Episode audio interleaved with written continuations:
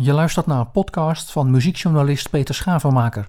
In deze podcast praat ik uitgebreid met Jean O'Brien, artiestennaam Jean. Ze komt uit Canada en recent verscheen haar nieuwe plaat. De carrière van Jean O'Brien startte half jaren 90 in en rond de twee kleine plaatsjes Oshawa en Bowmanville, ten oosten van Toronto in Canada. In de lokale band Lilith. In de lokale krant Eye Opener van 19 februari 1997 werd Jean vergeleken met Janis Joplin. Yeah, Lilith. I was I was more like 16 at the time, but yeah. Yeah. The band called Lilith. That was where I first sort of started into this whole mess. Yeah, you had lots of success uh, uh, around uh, um, yeah the area. You sold about 2,000 copies of the demo C, uh, CD. I read. you know more than I do. Yes, I very much appreciate that. It's going back a while. Yeah, yeah, yeah. So you you were about 16 uh, uh, uh, with some other young youngsters. Yeah, I was. They were all a little old. They were they were about a few years older than me. I was the young one. Yeah. What could you remember of those days? Well, I mean, the '90s was uh, kind of one of the last heydays for normal music industry. I think before it just all went to shit. So that was sort of I guess, a thing. I was like a kid, you know, like I quit school, joined a band, and just, you know, it was the beginning of where I am now. So I, I, yeah, we moved to Toronto and just tried to, we just all lived together in a warehouse, busked on Queen Street, met some management, um, at Jeff Healey Band Management. We, we met when we were busking there and they scooped us up and tried to get signed, never got signed, but you know, it was kind of a good start for me. But that was probably from like I was 16 to 19, you know, the era of that band. It was just like I had made a decision at that point in my life, right? Who I was with and where I went was. Yeah, in, in one of the newspapers back back then, from the February 19th, 97, the the Eye Opener, which is a, I think it's a local newspaper.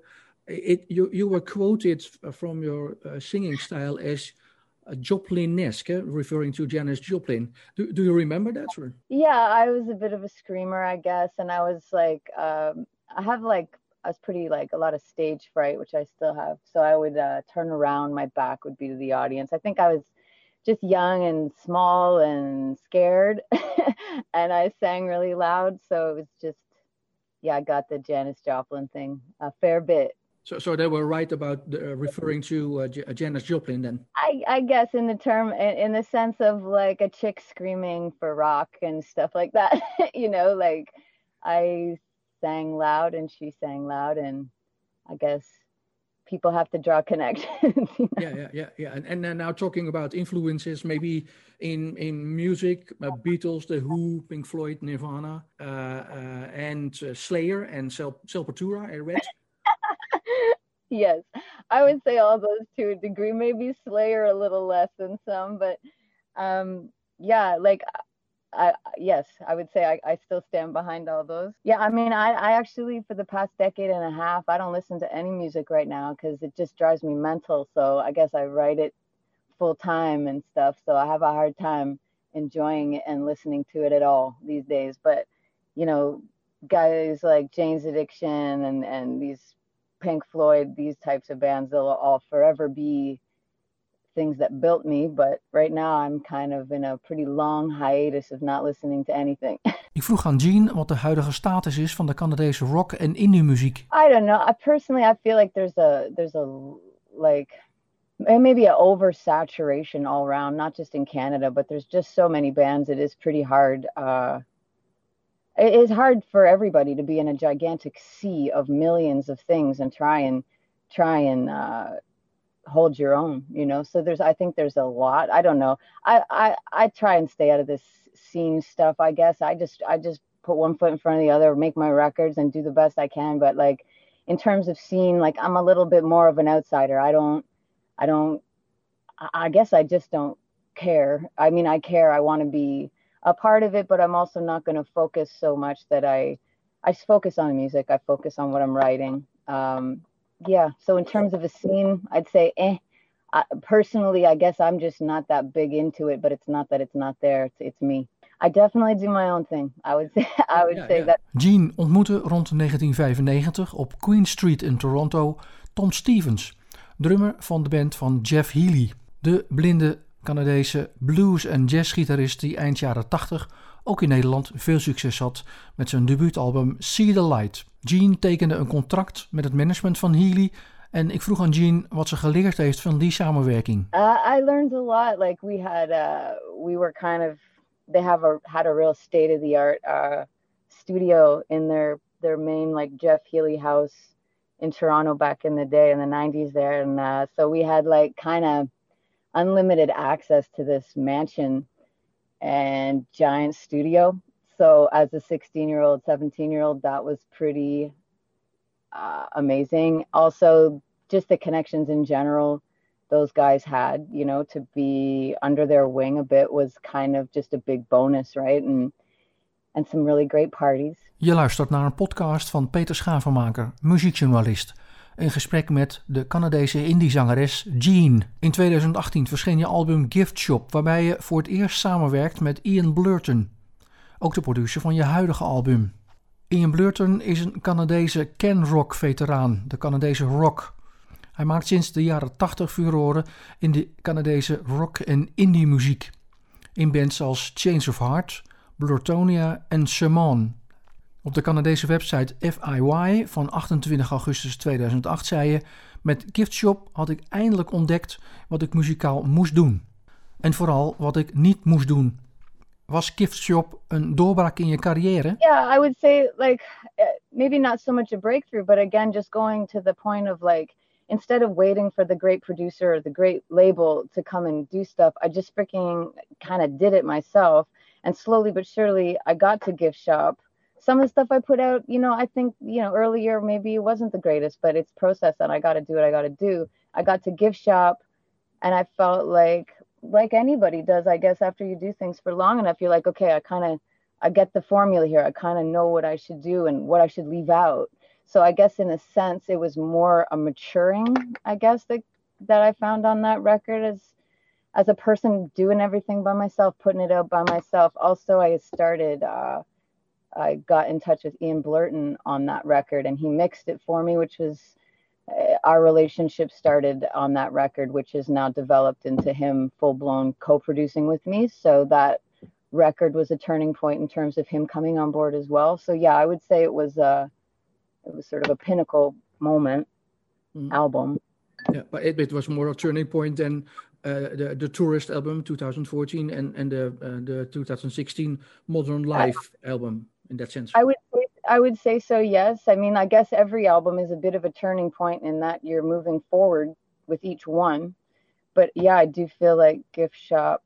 It, it just started clicking for me a little bit more, where I was. I felt a little more like I saw. I saw it all in front of me a little clearer. And like I said, I got Ian on board, which was a real bonus for me because I'm not that technical. I'm more of a writer and stuff like that, and he's he's both right. He's got the technical side and the creative side. So he was a real asset and is still is, now. is, is there a connection between Gift Shop and the current album uh, with with maybe Ian in the middle or? Well, yeah, big time. Like after Ian mixed Gift Shop and he, uh, we recorded Any Moment on Gift Shop together, him and I. And then uh, after that, I knew I was making a new record and I just emailed him and asked if he'd help me full blown co produce the next record. And he was up for it. And yeah, so the, the current record that's out now is definitely me asking him, Ian, if he'd come more on board with me, you know, and, and kind of be uh, a co-producer and and help me and luckily he said yes Yeah, yeah. Uh, things clicked when you met uh, Ian. Uh, can can you explain what clicked and how it clicked? Or well like i said all my records i've done i do it so lo-fi in my attic with like just crap gear like that's not my uh, forte my forte is singing and songwriting so here i am compiling these songs as best as i can in my shitty little setup right and just trying to do it because I have to do it rather than not do it. So that was the best uh, solution I could come up with. I uh, did some stuff uh, on it with a band called Cookie Duster. It's Brendan Canning, a social so, broken social scene, and Ian. although we didn't work face to face on that record, Ian was involved on that record too. So I had uh, I just kind of emailed him out of the blue and got him on to gift shop. But sorry, I lost track there. What was the point of the that the yeah. question? Kind of walked off track. Yeah, Cookie Duster was also with uh, Brendan, eh? Brendan Canning. Yeah, Brett. That was yeah, and that was the connection uh, I had with Ian. But then I didn't really reach out to him till a decade later, yeah, asking him if he'd help out. Yeah, the uh, the the record, uh, the current record was recorded in the Pro Gold Studios in Toronto. Um, yeah. Uh, was was that uh, the same experience when you had the opportunity to use the uh, Healey studio and uh, all the things there. Was it nice to be back in the studio, in a real studio again? Oh God, yeah, like be back in a real studio, but like I can't say enough about being back in a real studio with a guy who knows what they're doing in that studio. That's the ticket, you know, like having Ian around just the years and years and years of his knowledge is just like just a godsend for someone like me who's just always trying to scramble to put songs together it's you know a huge huge asset to just have a guy who's that's their history right? They they do that. They know that. And yeah it's just a game changer for me. Well i mean i still do stuff by myself when i have to you know i can i record at my house so that's what i do. But like for these records i'm putting out it's just night and day sonically right? So you know, I don't think I can turn back now in terms of putting out records properly produced instead of uh, putting out records that are kind of more lo-fi. I'll still put out recordings that maybe aren't uh, epically produced, but in terms of my albums, it's going to be hard to turn turn around now. Welke song op je huidige album is een sleutelsong die zeg maar het album duidt en vertelt en uitlegt? Uh, yeah, it's a tricky question. I guess on the current record, I feel like well, I guess maybe on all records, I have a, I'm a little bit eclectic. I don't, I don't go right down into one stream path, but uh, I don't know. I feel like maybe on the current record, something that would be like generally a good song to explain the record might be Friends, kind of like walks the line a little bit on both sides of everything. And how would you define your uh, your music? Is it indie or is it uh, retro punk rock or is it uh, uh, some what's what's the label? Don't you like to label it? Uh, that's a tricky one too. Uh, indie is just kind of a hilarious gigantic blob of a genre. Now i'm actually finding the word alternative to be a bit of a joke on different things as well where it's like alternative used to be alternative when it's not alternative anymore apparently. So i don't really know where i sit. Like definitely indie definitely alternative definitely rock, but these these labels and and things are getting pretty blurry these days, right? So I don't know how what word I would use anymore. I guess all indie pop rock stuff, that kind of. I don't know. It's a tricky one because I find the lines are blurring a lot for certain terms, like alternative being a big one. Like God, there's some stuff on alternative charts and radio things. Like what? I guess alternatives changed to not alternative. Like we need an alternative word for alternative. Yes, well, thank you so much for having me too, Peter. I really appreciate it.